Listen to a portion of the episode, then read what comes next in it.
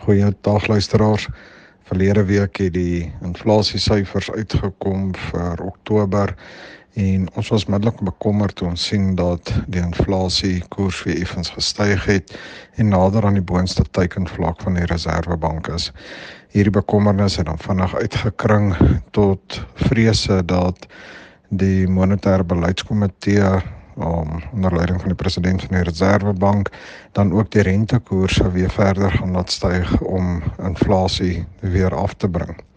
Die goeie nuus was dan dat rentekoerse onveranderd gebly het en al die lede van die monetêre monetêre beleidskomitee het gestem dat rentekoerse onveranderd moet bly.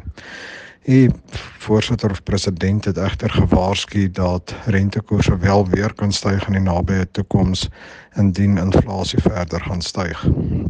Ek dink ons moet egter mooi gaan kyk na die inflasiesyfers en dan raak dit duidelik dat die stygings in die inflasiekoers grootliks te danke was of as gevolg was van stygings in energiekoste en dan ook voedselinflasie. Nou voedselinflasie het vir 'n hele klompie maande gedaal om um, voedsel het goedkoper geword en nou het ons skielik hierdie stygings gesien. Hierdie stygings kan egter aan twee groot faktore toegeskryf word. Eerstens die prys van eiers as gevolg van die volgriep pandemie wat die land getref het. Um en dan tweedens is dit baie hoë aardappelpryse wat plaasgevind het weens 'n tekort in die aardappelmark. Hierdie is egter tydelike probleme wat weer uitgeskakel kan word en ons glo dus dat voedselinflasie syfers weer effens sal kalmeer.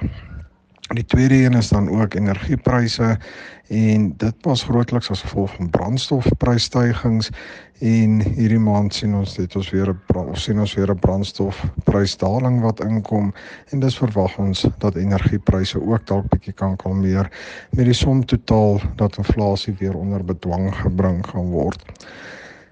Ek glo dat as die president van die Reserwebank sê dat um rentekoerse weer gelig kan word, maar ek kan nie sien dat dit sommer gebeur nie.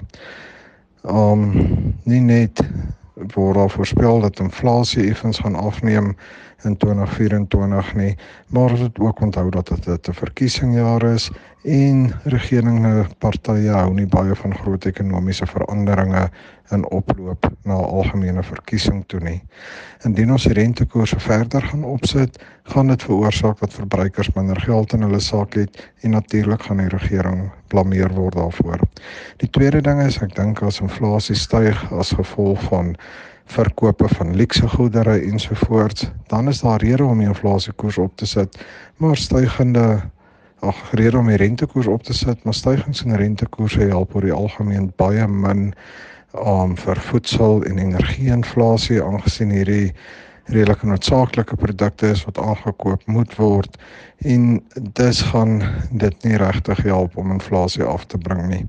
Ek verwag dus dat die rentekoers redelik stabiel gaan bly en selfs volgende jaar indien ons inflasie onder die 3.5% kan kry vir 'n maand of twee agter mekaar kan ons dalk moontlik rentekoersverligting sien.